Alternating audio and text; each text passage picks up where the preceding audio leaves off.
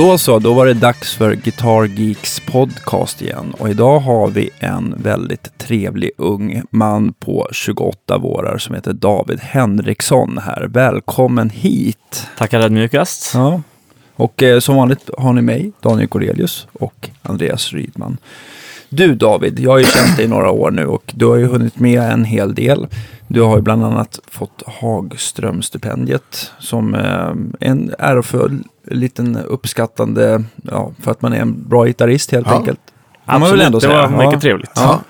Och eh, du har hunnit haft eh, Staffan Astner som gitarrlärare Stämmer bra. på, på RML och eh, du har också undervisat på RML här i Stockholm på rockmusikerlinjen. Ja, det är väl bara några enstaka tillfällen som jag har varit där och vikarierat för Staffan. Men jag har varit ganska mycket på Rytmus däremot. Det är Aha, också, okej, jag gick på gymnasiet. Där Ja. har jag vikarierat mycket. Jag förstår. Och sen så, sen så har du typ spelat 50 000 eh, eh, Silja Line-spelningar. Framförallt Birka Och- och eh, Viking Line. Inte så mycket Silja, men Ja, okej. båtar i alla fall. Ja, men jag vill bara, jag kan jag vill bara hytter och liksom scener. Och... du har liksom, du har gjort en, du har liksom varit ganska flitig sådär. Har du räknat ut hur många spelningar du har gjort som mest på ett år? Det är inte... Det är många som klår mig på fingrarna där, det kan jag säga. Eh, egentligen, jag har Ja, aldrig jag slår inte det på fingrarna. Jag har faktiskt aldrig kommit över 100 på ett år, för jag är väldigt statistikintresserad. Jag har aldrig varit över tresiffrigt faktiskt. Oj, Så, ja. men eh, det har ju varit många just båtgigs under, under några år. Det kanske kommer nu då, för du ska nämligen Precis. flytta. Ja, Ja, och vart ska du flytta någonstans? jag ska på dagen, eh, en månad från när vi spelar in detta, så ska jag flytta till Nashville. Mhm.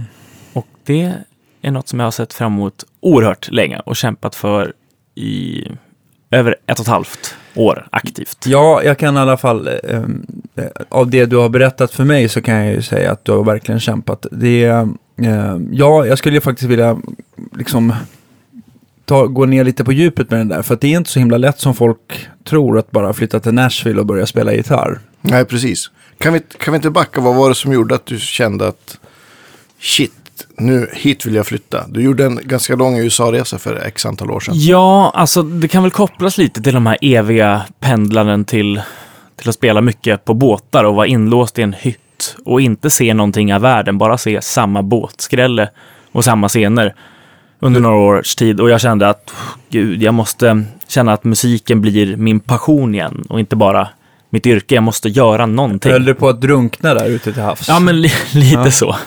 I både det ena och det andra. Ehm, så jag eh, hade väl känt många gånger att fan, USA vore ju en trevlig upplevelse. Mm. Ehm, så jag började spara ihop pengar och bestämde mig för att eh, ville ta en lite längre resa än att bara åka över tre veckor. Liksom. Och jag funderade på att åka och plugga också, men kände att jag vill inte låsa in en skola igen. Jag har pluggat så pass mycket redan, utan jag bara, jag vill vara ute på fältet och se hur det är där. Så jag samlade ihop massa pengar, sökte Hagströmstipendiet i samma veva, fick det. Mm. Fick ett arv från någon avlägsen släkting. Och det, liksom, Det var meant to be. ja, men det trillade in pengar från olika håll som gjorde att jag fick en rätt bra budget, som gjorde att jag... Man får ju vara borta 90 dagar som mest om man inte har någon typ av visum. Mm. Bara sånt här ESTA inresevisum, eller Mm. inresetillstånd. Turist. eh, Ja, mm. och då åkte jag och var borta 77 dagar, så nästan den här gränsen då. Och det motsvarar 11 veckor. Mm. Och detta var hösten 2014. Eh, och då började jag med en, en roadtrip med en polare. Vi började nere i Miami och så körde vi upp mot New Orleans och Austin och Dallas och Memphis till slut till Nashville. Och när jag väl var där så kände jag att här vill inte jag åka vidare ifrån. Så jag hade planerat att vara där i två veckor, men det blev åtta veckor. Mhm. Innan jag väl åkte fyra dagar till New York för att sen ta planet hem. Men Just det, hur, som har bokat därifrån. Hur, eh, vad var det med Nashville som var lite extra tyckte du? Ja, alltså, Jag tänkte eftersom du ändå är lite bluesig i, i grund och botten och Austin borde ju suttit som en handske. ja, tycker jag. Men- Austin var förbaskat trevligt också. Där var jag en vecka. Och jag hade nog planerat att åka tillbaks dit egentligen. Efter att ha varit i Nashville två veckor. Och bräcka dem en gång till på gitarr. Nej, men jag fick inte spela så mycket i Austin. Det var det som var grejen. Det var ganska svårt att hitta jam. Liksom. Jag hade hört att det skulle vara en, en stad där man fick spela så fort man ville, men det var inte riktigt Så Jag alltså- upplevde jag i alla fall. Ja, okej. Jag Ehm. upplever ju Nashville som svårslaget vad det gäller liksom, i alla fall alla städer jag har varit i, Mm. i världen, på, på liksom livemusik och, och hela liksom, ja det är verkligen music city. Det är ja, liksom svårt som det kallas. Så. förklara. Austin är ju svincoolt, men inte alls lika mycket musik som jag trodde att det skulle vara. Jag tror att det var mer förut. Det har Janne Ja. Lindén i alla fall sagt som en Mm. Austin, frekvent Austin-förare. Ja, men så kan det nog vara. Men det, grejen som jag gillar så mycket med Nashville också, det var, eller han som jag gjorde min roadtrip med, en god vän som heter Andreas Hammarkvist, jättebra trummis. Eh, han, eh, vi var i Nashville fem dagar tillsammans och sen kom det ytterligare ett gäng svenska vänner som var där ungefär en vecka. Eh, de hängde med mig. Och det var därefter, när jag var där själv på något sätt, eh, och bara kunde hänga med Lokala med lokala liksom, talanger. förmågor. Mm. Ehm, det var då jag kände att shit, det är ju det här, nu händer det grejer. Liksom. För då, då var jag ju tvungen att ge mig ut på egen hand istället för att bara hänga med dem jag redan kände. Och då hände det grejer, ja, inom en vecka eller två så blev jag inbjuden att fira Thanksgiving med ett gäng av de mest anlitade musikerna i hela Nashville. Och det var så här, vad hände där? Mm. Jag var helt blåst av stolen liksom. Eh, och folk var väldigt, väldigt välkomnande. Någonstans verkar det positivt att man var från Sverige. De var väldigt, liksom, åh vad kul att du är från Sverige, liksom, vad gör du här? Och så berättar man sin story lite. Och så, ja, det bara hände grejer på en gång. Känns mm. Då fick jag ändå inte spela så mycket. Det tycker jag Ja. är en, en kul sån, en, eh, sån kulturskillnad som jag tycker jänkarna vinner jättestort på. Att de är väldigt inbjudande och öppna. Mm. och Här i Sverige kan det vara ganska vattentäta skott. Jag tycker att det, att det är även alltså mellan så här olika klickar av musiker här i, i Mm. Stockholm. Så kan det vara ganska vattentäta skott med vilka som spelar med vilka. Ja. Och, och, Man håller varandra lite om ryggen Ja, kanske. men precis. Ja. Och vilka som får vara med var. Nu är det ju så mycket mer musiker i Nashville så att de, de kanske känner att de inte har, de törs inte chansa på att det är nya Steve Ray Vaughan som har kommit och hälsat på. Så, Nej, men precis. men eh, men det, just den grejen tycker jag är så himla, ja men både trevlig och fin att de är Ja. så inbjudande. Ja, det var, det var verkligen något som jag inte upplevt här hemma. Och när man märkte att folk var så inbjudande så vågar man ju ta för sig mer också. Jag har alltid känt att man är lite hindrad av jantetänket här hemma och att man liksom kanske inte vågar gå fram och prata med vem som helst. Bara för att det är en, någon som är mycket mer etablerad än vad man själv är. Men där var jag fram och snackade med vem som helst i princip. Stod och snackade med Jimmy Vaughan ett tag. Det var ju inte i Nashville då, men jag var i Austin. Och um, eh, ja, men en del supermusiker i, i Nashville som jag, folk på den nivån i Sverige hade jag aldrig gått fram till, men det kändes helt naturligt där. För att de gick runt och hängde i en bar efter giget, de gick inte backstage och liksom, Nej, drog. De tog det- sig tid liksom. Ja, de gjorde verkligen det. fans. Ja. så det var ju, ja. Nej men, var kom vi ifrån? Att, hur den här resan startade? Jo men det var där liksom första eh, fröet såddes på något sätt. Tänkte du redan då, shit, här ska jag bo? Det var väl i alla fall att hit vill jag fan mig tillbaka. För jag blev verkligen peppad av folk. Att de sa liksom, du passar bra här, du borde komma tillbaka. Liksom. Det, Vi skulle kunna hjälpa dig att fixa en del jobb. Liksom. Och då kände jag direkt när de sa så, så bara, ja, det här ska jag inte släppa på en gång. Så då åkte jag faktiskt tillbaka eh, våren jag- 2015. Jag, jag kommer i alla fall ihåg när du kom hem därifrån första resan, hur du var liksom, du studsade som en eh, Duracell-kanin här och var extas över Nashville och, och att jag måste åka tillbaka, jag ska, ja. Jag ska men det var ju sluta köpa grejer av dig. Jävligt tråkigt faktiskt. Ja. Ja, men det, ja, det har ju till Ja, men storyn jag- också. Ja, Vi har hittat en viss Svensson nere i Sverige som kan hjälpa oss istället. Men, eh, ja, men det, det var ju synd. Men det var, jag förstår att du ville tillbaka. Så du Ja. åkte väl egentligen, du samlade ihop lite grejer, eh, pengar igen och åkte Ja, jag- 2015 då. Ja, och då var jag bara borta två veckor. Men då kunde jag ju å andra sidan, behövde inte börja från första rutan liksom, utan då kunde jag Hälsa på polare. Ja, men då kunde jag liksom fortsätta där jag slutade någonstans med, med ganska mycket kontakter redan där. Så, um, ja. Och på, på tal om att sluta köpa prylar, det är verkligen så att sen jag åkte, eller sen jag började spara pengar inför min första USA-resa, Ja. så har inte jag köpt en enda pedal, och det var tre år sedan. Ja. Det kommer jag ihåg, jag träffade dig på Disco Goes to Eleven då du höll på att spara pengar Mm. till din resa. Och då, och då tror jag att du, om du var till och med där för att sälja någon pedal. Jag kommer inte ihåg hur Ja, det var. Så, ja, vad ska du köpa idag då? Ja. Min första. Nej, jag har inte köpt en pedal på tre månader. Mm. Eller, du vet så här. Ja, och nu Det är det tre år. ja. Du tog han på pannan. Hade Precis. han feber? Nej då, men jag, det, det är väl ganska skönt när man kommer till den insiktet att det är liksom den här äh, köpfokusen inte blir eh, ja, det som fördriver ens tid och hitta Ja. nya prylar utan man har ett man får ett annat, mer konstruktivt mål kanske. Som, Ja, men det var ju verkligen så mer. att innan jag åkte till USA första gången så hade jag aldrig lagt pengar på någonting annat än eh, materiella ting. Gitarr, Mm. prylar typ. ja. Och jag kände att jag måste investera i någonting som inte går att sälja vidare typ. Jag vill något som är bara för mig på något sätt. Och, En, och en liksom- upplevelse, Ja, liksom, precis. erfarenheter. Så det, och det är jag Det är väldigt glad för idag. Tycker jag. Mm. Eh, någon gång blir man väl vuxen. Men jag kommer Kanske. ihåg, du hade ju ändå, när det gäller att köpa grejer, du hade väl nästan samlat på dig, i alla fall då, alla Mad Professor-pedaler och du hade en Mm. Mad Professor-stärkare och några fina stratter och en tele också. Du hade ju, ja, Ja, jag bestämde... Jag hade köpt en Mad Professor-pedal och testat resten så...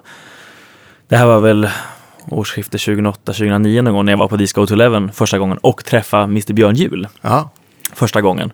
Bara, de här ska jag köpa. Och så köpte jag alla. Så inom ett år hade jag 12 Mad Professor-pedaler och en stärkare. har du kvar dem?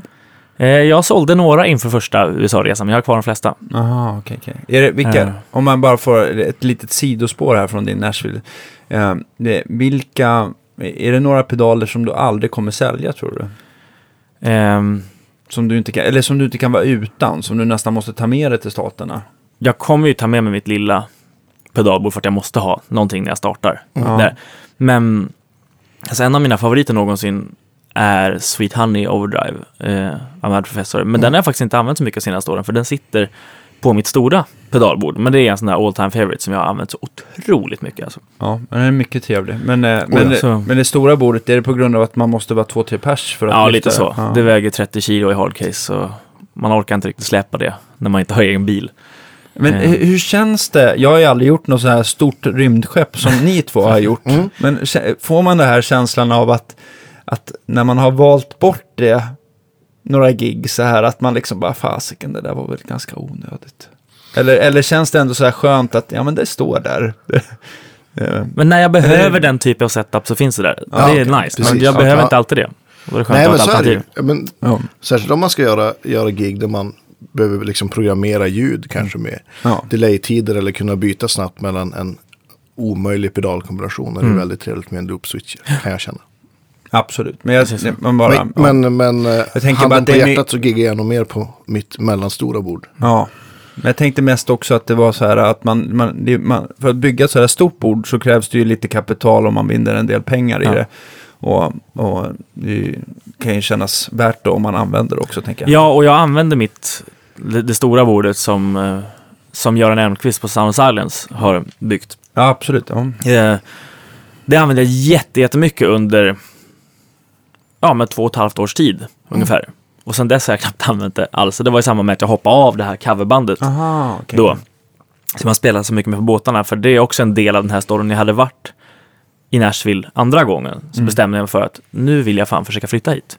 Och då tänkte jag att mina meriter som jag har, mitt Mm. CV är inte tillräckligt brett liksom.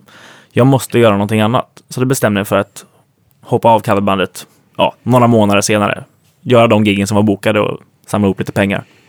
Och Jävligt tufft ändå att kliva av ett, ja, men ett, ett Det var ju mitt jobb. heltidsband liksom sådär. Mm. Och ändå tjäna, tjäna bra pengar och veta långt i förväg vad du ska göra. Ja, jag hade, när jag slutade bandet den sista augusti 2015 så hade jag två gig bokade under hela hösten. Och det var obetalda gig i Italien med mitt folkmusikband. så jag visste absolut ingenting. Förutom att jag hade tjänat ihop så pass mycket pengar så att jag visste att jag skulle klara mig året ut om det inte Mm. dök upp några oförutsedda utgifter då. Så, ja. Du hade bunkrat upp med nudlar och... Ja, ja lite så. Ja, men det visade men sig att det inte rätt. behövdes, för det trillade på ganska bra med jobb. ja. Eh, som tur var. då. ja vad bra. Eh, Men det var ju för att jag slet som fan för det också.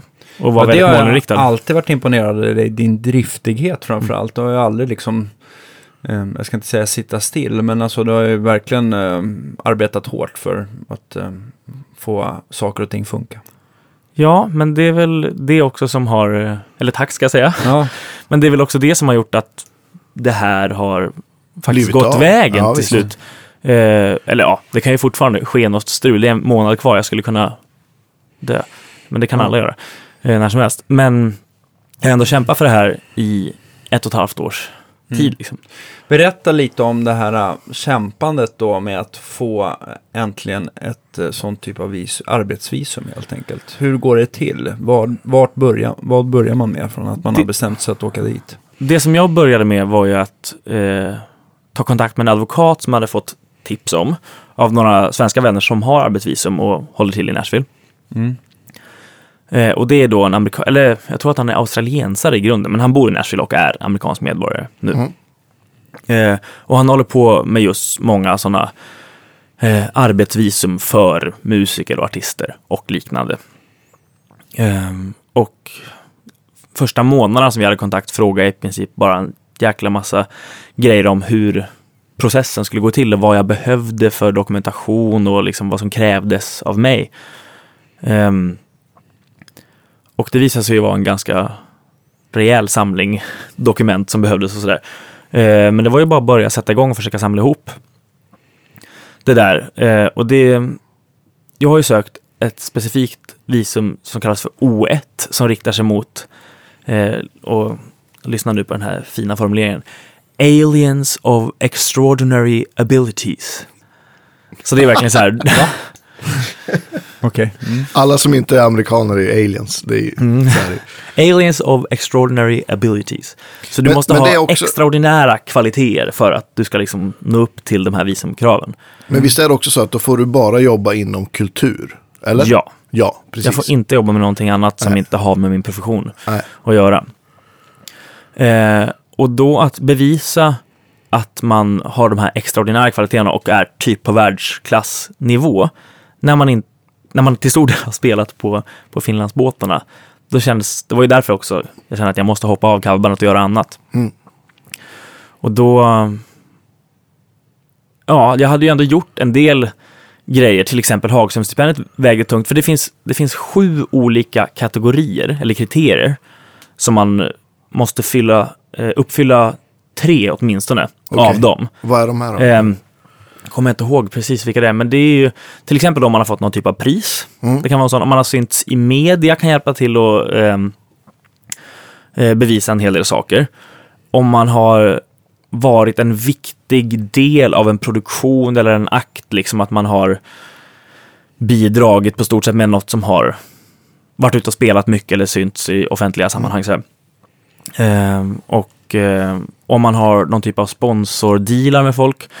Och då kom jag på att det här skulle jag kunna... Sponsordealen har du jobbat en del Ja, på, precis. Då kom jag på att det här skulle ändå kunna vara en bra grej. För då hade jag redan jobbat en del med, med Göran på Ja, Sound precis. Silence. Ja. Eh, jag hade Du har ju åkt med honom på massa mässor Mm. och hjälpt och varit en bra säljare. Ja, men precis. Jag har hjälpt honom en del sedan fyra år tillbaka. Ja. Eh, och honom lärde jag också känna precis som Staffan Astner på, på RML, rockmusiklinjen. ja, just det. För då var Mm. han ljudteknikerlinje Exakt. där. Eller Ljudtekniklärare. lärare Mm. heter det. Exakt. Eh, så... Och jag hade gjort några demos för Olsson, John Olsson, Olsson Amps. Mm. Ja, det Eh. vet du väl vad är, det, har- Du har provat det va? Ja, det är någon som har hört det talas om honom. Absolut. Ja. Och, och sen så... Eh, jag hade också jobbat lite på These Go To Eleven under några somrar och lärt känna folk på så sätt. ja, just det. Så jag hörde av mig till eh, lite olika folk och det, inför en turné som jag åkte ut på förra våren med en snubbe som jag lärde känna första gången var i Nashville, en, en brittisk countrysångare. Eh, så skulle vi ut på en lång Europaturné och jag hörde av mig till några svenska tillverkare. Så här, Vill ni synas lite så kan jag göra reklam för er medan ni är ute. Eller medan vi är ute på den här turnén. Och då fick jag dealar med både Lundgren pickups, eh, Slickbag-caserna, Mm. Mm. Ehm, handbender som är ja, en bibender-variant. Eh, som eh, en svensk snubbe har. Eh, ja, det är en svensk uppfinning helt enkelt. Funkar bra. Tycker det funkar. Tycker det funkar jättebra. Ehm, Var håller han hus? Vem är det som gjort den någonstans söderut. Jag har inte riktigt koll alltså. Det där kan vi? Vi kolla upp koll- och vi googlar lägga till. Ja, Ja.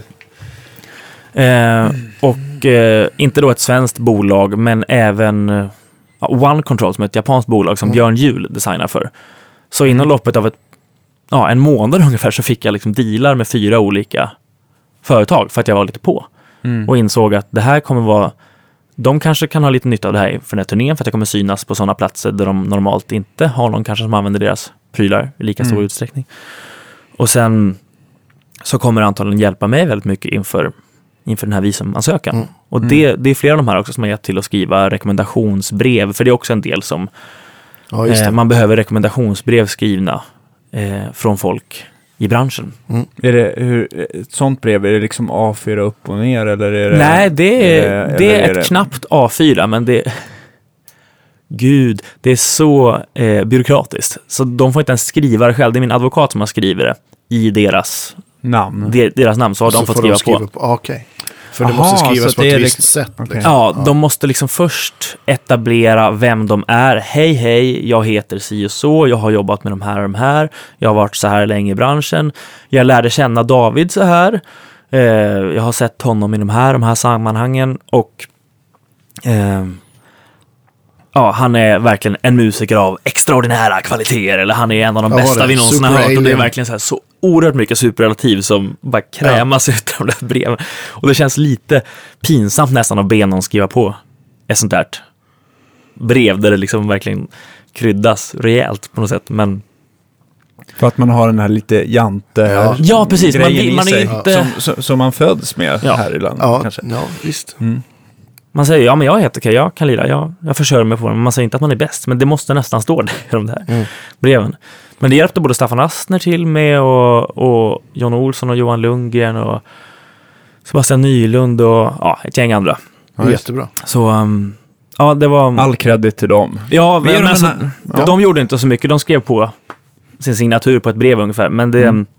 jag hade inte gått utan dem. Nej, Så tack. ja, stort tack till alla de som hjälpte till. Även Micke på Slickbag hjälpte Ja. till förresten. Ja. Sen ett gäng andra. Men känner man dig så, så skriver man ju på det där, säger jag. Ja, de kan ju inte förlora någonting på det såklart. Nej, men och, och du är ju en både fantastisk gitarrist, musiker och, och snubbe, så det är klart att, att folk vill hjälpa till. Så ja, det, var ju ingen det- som sa liksom, nej men jag, jag har Nej, nog det- ingen lust att hjälpa jag till. har svårt Det var att det tänka mig att någon skulle säga nej. så. Men, förlåt, men du måste säga igen vad det heter. Jag blev så full i skratt. Det heter något med aliens. Så, Aliens of extraordinary abilities. yeah.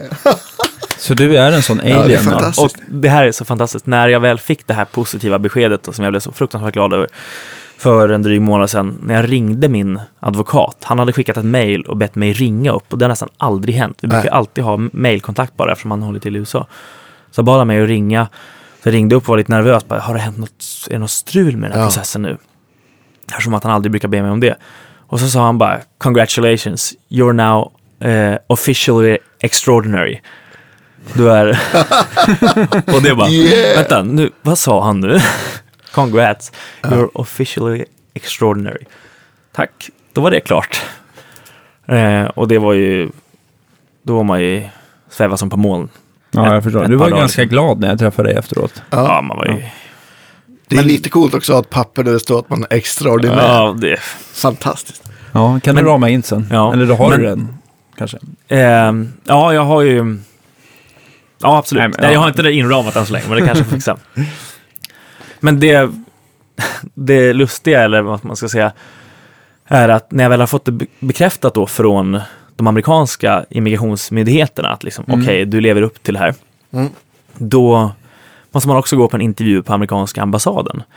Och där var det jävligt nära att skita sig faktiskt. För de börjar liksom ifrågasätta, men är du verkligen så här bra? Är du extraordinär? Är du på världsklassnivå? För vi googlade ditt namn här, vi hittade inte så mycket. Och jag blev skitnervös, liksom fick gå och sätta mig och vänta igen och blev intervjuad tre olika tillfällen. Liksom. Oh, shit alltså. Så jäkla pers liksom. Mm. Eh, men eh, det gick ju bra till slut.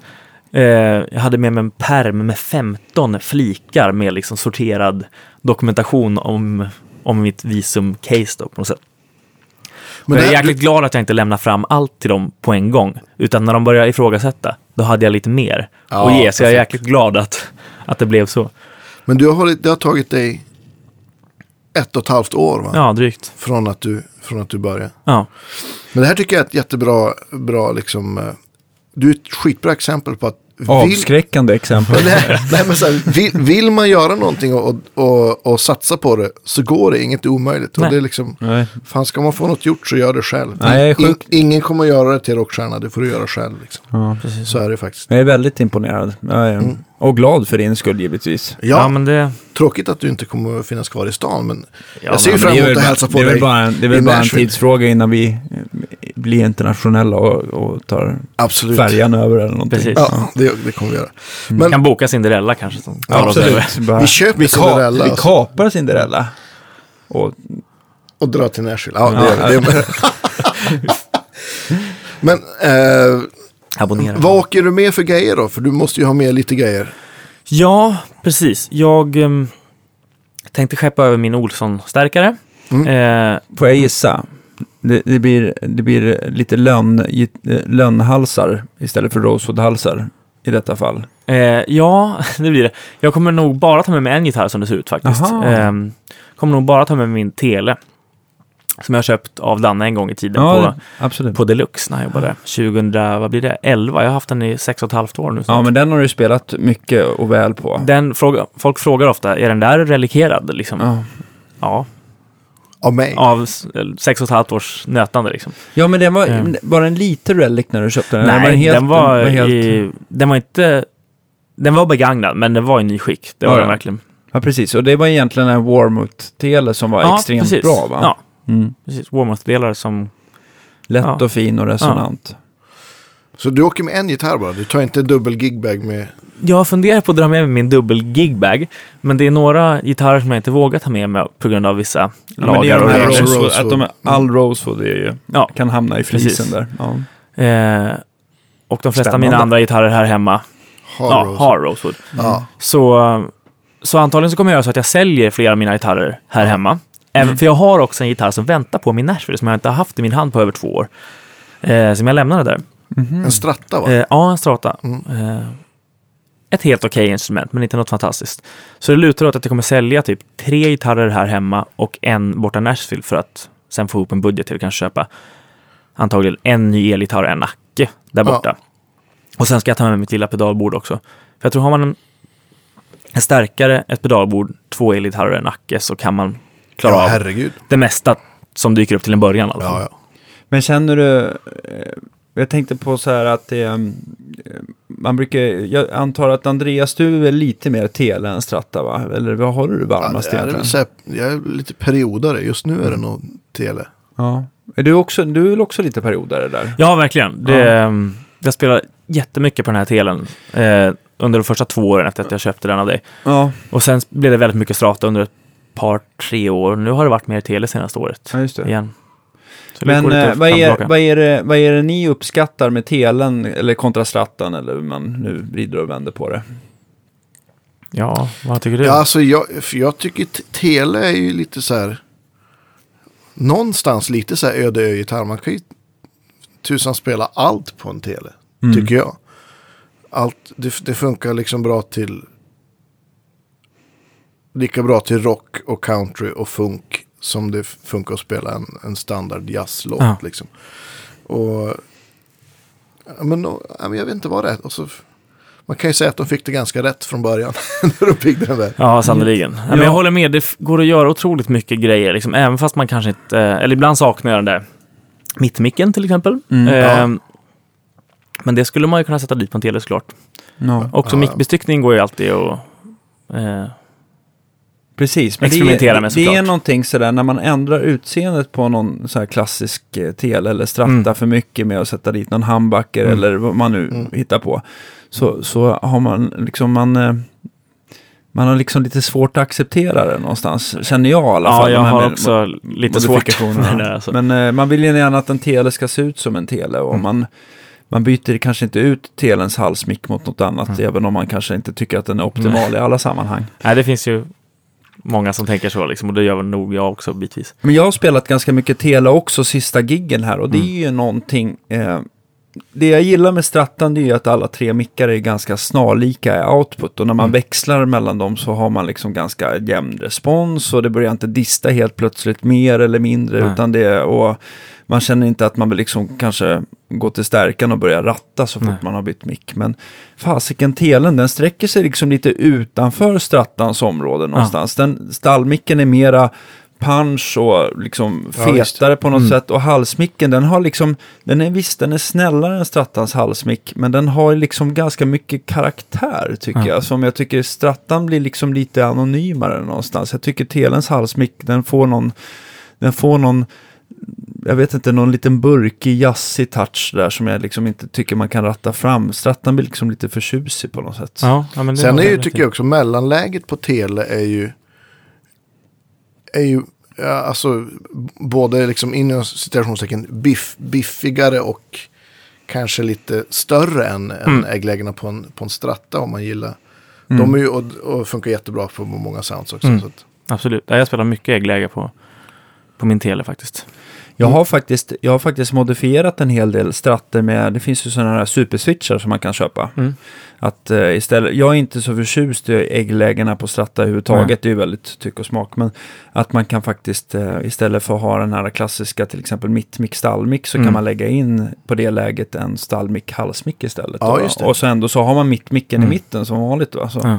Men ja. Det kommer jag ihåg att jag testade på någon mässa på den här eh, testgitarren som, som Lundgren har. Man kan ja, just det. Ja. sätta i vilka mickar man vill. ja. Ehm, och då testade jag att aktivera, då var det med strata-mickar. Mm.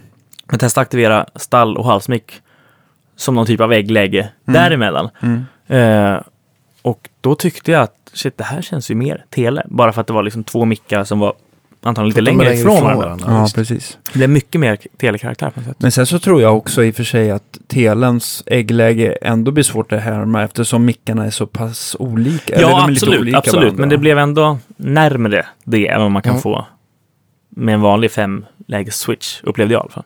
Om vi får, eh, om vi får prata lite så här tele, eh, telemickar. Du har, jag antar att du har spelat på Lundgrens eh, mickar Ja, det gör jag i det här fallet. Ja, Precis. ja.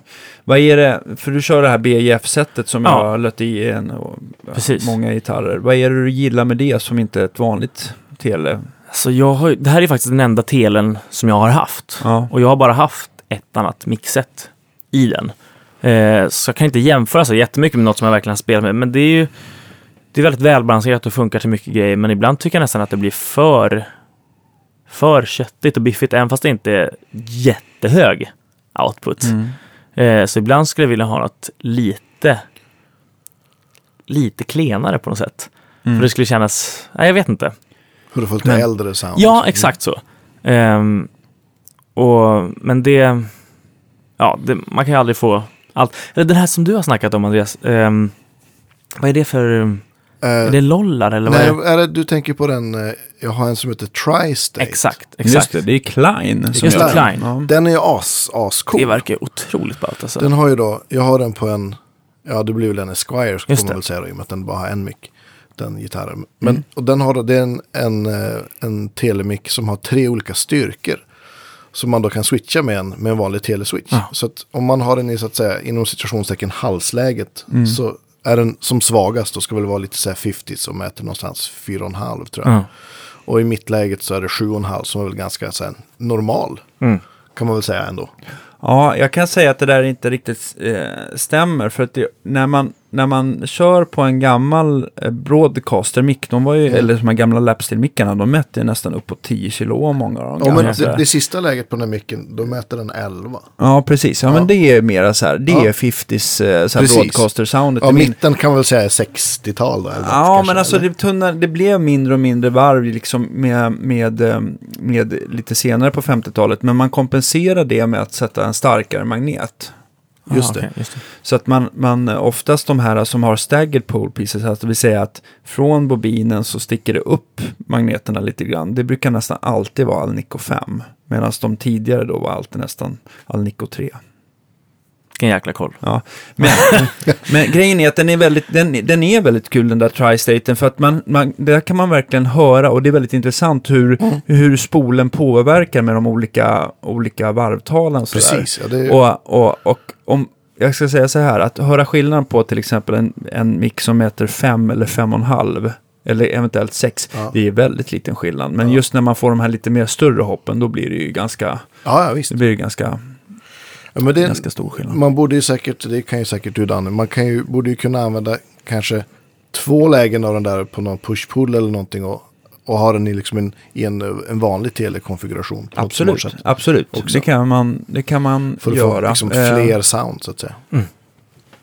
Ja, Ja, det är något som jag har funderat på faktiskt. Att Ja. testa en sån mick. Men det överlag så är jag jättenöjd med. Jag har de här Lundgren BIF-sätten. Både på min huvudstrata och den här telen och min Les Paul. Alltså, B- B- eh, BIF-sättet på tele, varför det låter lite biffigare. Folk tror ju att ja, det måste ju vara mycket mer tråd, men den mäter inte speciellt mycket. Den mäter så här ganska standard, Mm. 7,2 typ. Mm. Men den magneten eh, Lundgren använder där eh, är, vad blir den då? Den är istället för 5 mm så är den 5,2 mm. Okay. Så att det blir att induktansen ökar och då får man liksom lite biffigare sound av det. Det var precis det jag Och sen så är det full styrka på all Va, nu får du förklara för, för mig och de som inte förstår. Induktans, vad är Ja. det och hur påverkar Ju det? högre induktans, desto mer massa är det i micken. Ju mer massa, desto lägre resonansfrekvens får du. Och då upplever man micken som att den är lite tjockare. Sådär. Det var det snabba svaret. Mm, bra, tack. Mm. Ja, men det var bra.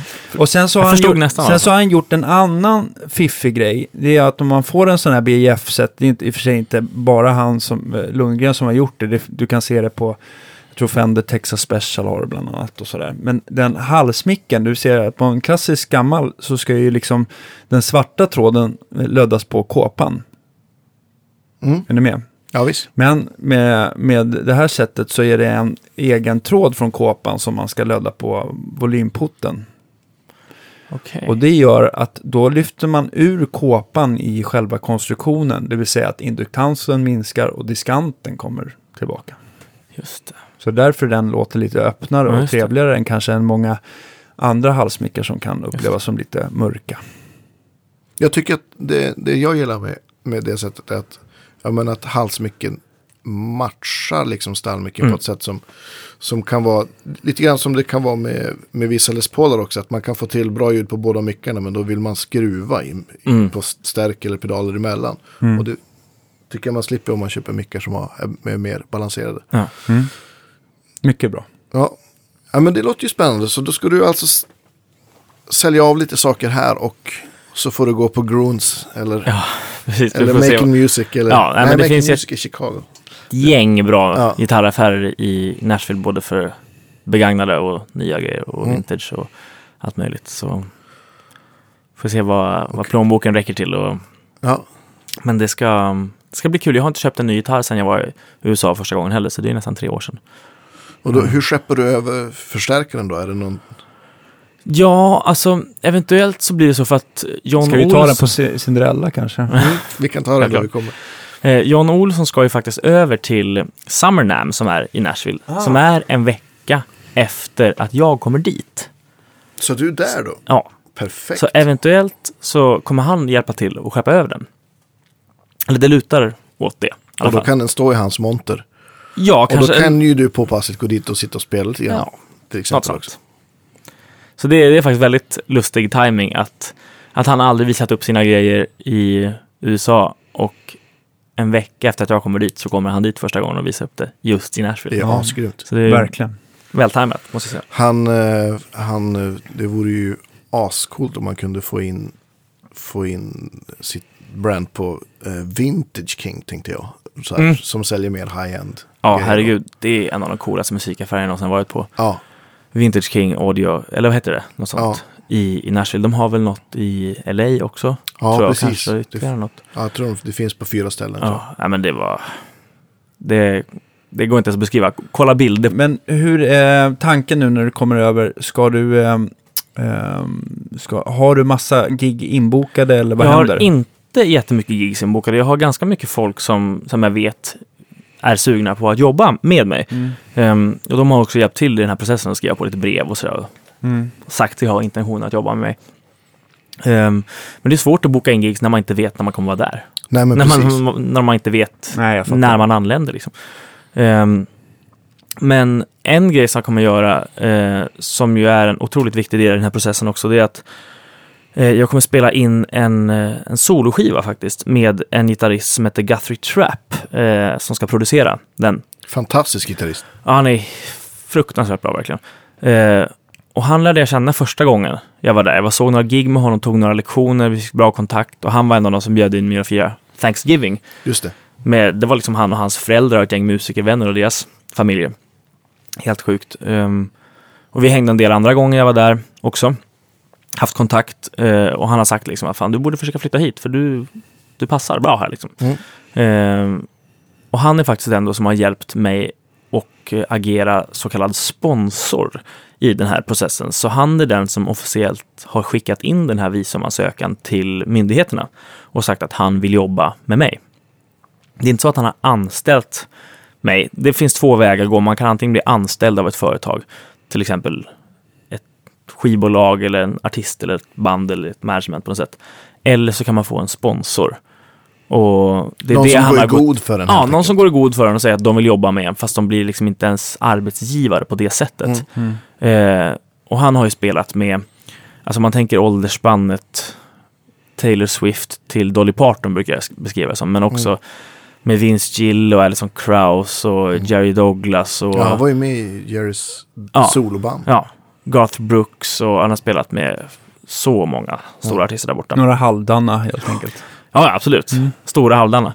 Ehm, ja, men så det är en grej som tror jag kommer väga ganska tungt när man väl kommer dit också. Att folk fattar, åh, nu är det en ny snubbe i stan som är svensk. Det sticker ut lite, mer Mm. än om någon bara kommer från Absolut. grannstaten. Så det tror jag förhoppningsvis kommer vara en fördel för mig. Definitivt. Men också att folk förstår, åh, den här snubben ska spela in en platta med Guthrie Trapp som producent. Det var Mm. ju, han slår på stort på en gång. Eh, och jag tror att bara det kan få förhoppningsvis ordet att börja, eller mitt namn att börja snurra runt lite i vissa Va, kretsar. vad ska du använda för musiker? Har du tänkt så långt? Det får ju bli någon typ av kommunikation med, eh, med Guthrie. Ja. Om han har några som han vet att de här är skitbra och de jobbar snabbt och det kommer bli effektivt liksom. Mm. Eller om man Du, får, du kanske skickar efter brorsan så att det blir... Jag skulle, Lite det, fin skulle vara, shuffle. det skulle vara fantastiskt roligt att ha med min bror faktiskt på trummor och spela in i Nashville. Som är en, min bror är en väldigt, väldigt bra trummis. Verkligen. Ja. Ehm, och, ehm, men vi får se lite hur det blir. Mm. Där. Honom har jag ju faktiskt spelat med många gånger förut. Det kanske Ja. vore bättre för mitt CV på något sätt att, att ha en etablerad Nashville-trummis.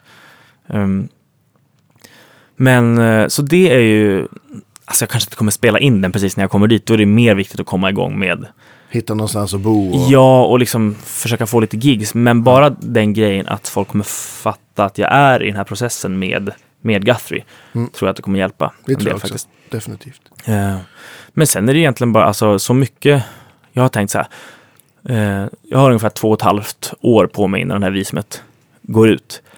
Eh, Och jag har tänkt två och ett halvt år, hur mycket hinner man på det? Ja, det har man ingen aning om. Men med tanke på hur mycket jag hann göra första åtta veckorna. Jag var där hösten 2014, hur mycket folk jag lärde känna och sådär. Så skulle det kunna hända väldigt mycket om, om jag spelar mina kort rätt. Ja, Eh, det kan också vara så att det blir jättetungt, att konkurrensen är så jäkla hård så att man i princip får stå och slita och spela covers för dricks och måste åka hem till Sverige då och då och tjäna pengar. För jag får ju inte ta ett extra jobb där, inom Nej. någonting annat. Du kanske kan undervisa på något vis. Ja, att undervisa en del är tydligen okej. Ja, Eh, för det räknas som att man delar med sig av sin profession. Och jag har ju dessutom pluggat pedagogik, så det är ytterligare liksom en... Det är ju verkligen en del av min profession. Ehm, så det har jag redan på G via en musikaffär där jag känner ägarna ganska väl. Mm. Att jag skulle kunna liksom styra upp att undervisa lite via dem. Ehm, så det är ju bra att det finns någon sån öppning Mm. också. Men sen tänker jag att det vore... Jag ska försöka liksom hålla kontakt med folk som jag spelar med här hemma. Eller folk. Jag har gjort en del videolektioner också för Play Along. Mm. För de som känner till de som gör onlinebaserade ja, men musikundervisning eh, på nätet på svenska kan man säga. Eh, och försöka hålla kontakt med folk här hemma för att eventuellt kunna behålla någon liten typ av inkomst från Sverige just det. också. Eh, så vi får se lite hur allt det där blir. Det är ju liksom, jag åker ju dit och verkligen börjar på ett oskrivet blad. Det finns ju inte jättemycket planerat. egentligen. Fast du känner Ja. ganska mycket folk. Ja, men det är det som är grejen. Jag känner mycket folk, jag har mycket grejer på G, men det är... kalendern är väldigt öppen när jag väl Ja. kommer dit. Men du känner ganska många som, som är väldigt etablerade och som kommer kunna rekommendera dig. Så, och det är ju, Absolut, och det kommer ju väga tungt såklart. ja, det är ju det bästa sättet. Mm. Och det, det är så man får jobb också. Ja. Men, men jag tänkte också när du kommer dit, så jag antar att det inte blir så mycket svensk folkmusik. Eh, Kommer det bara bli country om det blir någonting? Eller kom, Det hoppas jag inte. Nej, men vad, hur är scenen där borta? Man tänker ju Nashville som en riktig country-mecka sådär. Men det finns väl antagligen utrymme för allt. Men Ja, alltså det... vad tror du att du kommer du att har få ju varit- göra? Du har ju varit där mer än vad jag har varit, eller i alla fall flera gånger. Ja, alltså första gången jag var där, det var nog tio år sedan. Och då, då kändes det mycket mer som, som liksom, att, liksom eh, countrystaden. Mm. Men, men sen, eh, för varje gång jag har kommit dit så har det verkligen blivit Music City. Inte bara för att det är liksom, att det är alla countryskivor i landet nästan görs där. Utan för att det finns otroligt mycket annan musik också. ja, men det var man det... Mm. tänker som Kings of Leon kommer därifrån. Och, och, så att det är, liksom- det, självklart är väl countrymusiken är väl det som är den största liksom, musikindustrin där. Men, Ja, men så är det men, och det har flyttat jättemycket folk från både, både LA och Austin och Mm. eh, New York till Nashville. Så att, eh, och, och, och många, många kända, inte bara musiker utan även kända artister skaffar Ja. sig hus i Nashville för att det är liksom det är liksom ett sånt musikmecka. Det spelar ingen roll. Ja, men du vet, så här, Steven Taylor för Aerosmith eller du vet. Jag vet att gitarristerna i Wilco har köpt hus i Mm. östra Nashville. Nashville. Ja, men det finns säkert hur många som helst mer. Så att, Hur, hur stort är Nashville egentligen? Det är ganska litet. ja. Men det händer otroligt mycket Men på är det den lilla ytan. Stockholmslitet Nej, eller? Det är eller, mindre än Stockholm, Mm. Är det mindre än Stockholm? Ja, ja. Okej. helt klart. Alltså om man tänker, om man ska tänka så här, stadskärnan där liksom är ju, det känns ju mer som Enköping Ja. än, än liksom, Ja, det, det, är lit, det är en liten Ja. stad, alltså i jämförelse. ja. Ehm, och, nej men precis som du sa, det är det som, jag åker verkligen inte dit för att spela bara country. Det gör jag Mm. inte. Nej, du åker dit för att spela musik. Ja, och jag vet att det finns möjlighet att göra alla möjliga grejer. Men det som du däremot nämnde, svensk folkmusik. Mina, jag har spelat en del sånt också. Mm. Mina föräldrar är folkmusiker. Så jag har vuxit upp på halva sommarna på spelmansstämmor när jag var liten. Ja, just det. Men, eh, har det i blodet helt Ja, precis. Men det är också någon sak som jag tror att kan jag använda mig lite av sånt och blanda in någon fras här och var som inte låter liksom country eller blues Ja. eller rock. Mm. Utan att folk bara, "Ah, shit, det där var lite spännande, liksom. Var, var kom det där ifrån? Och att man liksom, ja, det där var ett polskelick, eller vad, vad det nu blir. Ja, men Tror jag skulle precis. kunna bli en Ja, men- jäkligt cool feature i, i mitt musicerande. Jag tror också att det, det är ju helt rätt väg att gå. Man ska ju liksom inte flytta till Nashville efter att ha plankat alla Brent Masons licks och tro att man ska få, få en massa gig. Om man, om man flyttar dit så ska man ju, de vill ju ha nya sounds. Ja. Man ska ju försöka liksom, ja, men låta som sig själv, inte Ja. försöka vara något annat. Och Men försöka precis så- tillföra något istället för att bara låta som alla andra dudes. Ja, men det är precis dit. så folk har sagt till mig också. Liksom. Kom inte hit och försök spela som alla andra. Liksom. Du är bra, gör din grej. Liksom. Ja, exakt. Och sen om det är influerat av olika folk, det är klart som fan att det så. Man inte... Nej, men det har väl alla. Det är Liksom, ju- men det finns ingen, inget självändamål att åka dit och bara nu ska jag bara spela country och vara bäst. Jag kan alla det- Albert Lees licks, Mm. varför får jag inga gig? Ja, men det finns 150 andra som kan Ja. det där borta också. Det, Mm. då är det nog bättre att lägga in en, en polskefras här och var. Faktiskt. Mm. Det tror jag vi, alltså svenska musiker håller ju enormt hög standard internationellt. Ja, det är och, faktiskt så. Jag tror att också att vi är i regel lite bredare än, än de flesta. Just för att, för att vi har så mycket, om man tänker kulturskola, musikgymnasium och alla folkisar och allting som finns så, så är vi ganska, det finns ganska många som är ja, men ganska breda och, och, och har nosat lite på massa olika Mm. stilar och grejer. Men så är det nog. Det kommer jag ihåg att ehm, folk sa i, i både Nashville och andra städer i USA också att svenskar är ofta väldigt breda medan amerikaner är extremt specialiserade. I, alltså inte alla såklart, men om man generaliserar att det finns de som är fruktansvärt bra just på countrygrejen eller att, att mixa poplåtar liksom. Ja. Mm. De har liksom det är ju sådana produktionsteam där folk gör en grej var medan de jämför med en svensk som de skriver och mixar och proddar och typ Mm. gör det mesta själva för att det kanske inte finns budget här hemma Ja, till men att så involvera så många Så mer. jobbar ju Liksom. jag jättemycket Ja. till exempel. Så um, Ja, det är, det är Men- så mycket som lockar där borta. Det är mer mångfalden än liksom en specifik Men, grej. men, men eh, hur är känslan av att gå ut och kolla på livemusik i Nashville? Är liksom så här, var, var du än går in och kollar, är det alltid bra eller är det så här, vad fan Nej. är det här Nej. för skit? Eller hur är Det, jag skulle vilja säga att det är ganska... Och man, det är som att gå ut och lyssna på musik var som helst. Man måste veta vart man ska gå när. Där de, de, de bra spelar, höll jag på att säga. Men det är bara att det finns väldigt många fler Ja, alternativ där borta. Det är som att gå in på Ängelen i Gamla stan. Det kan vara, det kan, Leif Sundin kan stå där och sjunga och man Mm. dör. Eller det kan stå en, eh, en snubbe en tisdagkväll som kanske jobbar som arkitekt. Inget ont om det, men som kanske sjunger lite på fritiden med Mm. Ja. sitt hobbycoverband. Så, att- och så tycker jag också att det kan vara i Nashville. Man, Eller man får höra allt. Ja, det är ju, topparna är ju ex, de, de sträcker sig långt över molnen, men så finns det också ganska många som det känns som att de har flyttat dit för att de vet att det finns en bransch där och att de tror att det ska kunna hända grejer bara man är på rätt plats. Men har man liksom inte någonting att Mm. backa upp eh, sina drömmar med, någon talang eller nå- något sådär, så då händer det ju inte ändå. Men det finns många som håller till där som, som inte är på så hög Du har ju ett liksom. mål, du ska göra en platta och, och det är ju liksom en ganska bra, det är en jättebra ingång på många sätt tror jag. Ja, det tror jag verkligen också. Det känns jättespännande. Jag, jag, Ja, Vi ska göra uppföljning på det här. Och då, jag kan inte vänta de Nej. här två och ett halvt åren och se hur det har gått. Vi måste ju åka till Nashville. Det tycker jag. Har han skägget ja. kvar? Har han klippt håret? Ja. Summer nästa år, då åker vi över. Tycker jag. Ja, Eller något. absolut. Ni är varmt Mm. välkomna. Ja, Ja, då är det varmt ja men det tycker jag. Men Ja. Nashville, det är väl alltid varmt, är det inte det? Ah, inte riktigt, men det var ju... Jag kollade Somrarna. någon väderapp liksom här i april. Då var det ju ofta 30-33 grader liksom mitt på dagen. Så så det, är ju- Mm.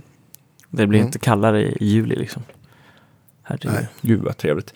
Ja, eh, vi håller tummarna och önskar Ja, stort lycka till. Verkligen. Eh, Jag så, ska vi, så ska vi följa upp det här, det lovar vi. Jajamän. Ja, Tack för idag. tack så mycket. Tack så hemskt mycket för att jag fick komma. Jättekul.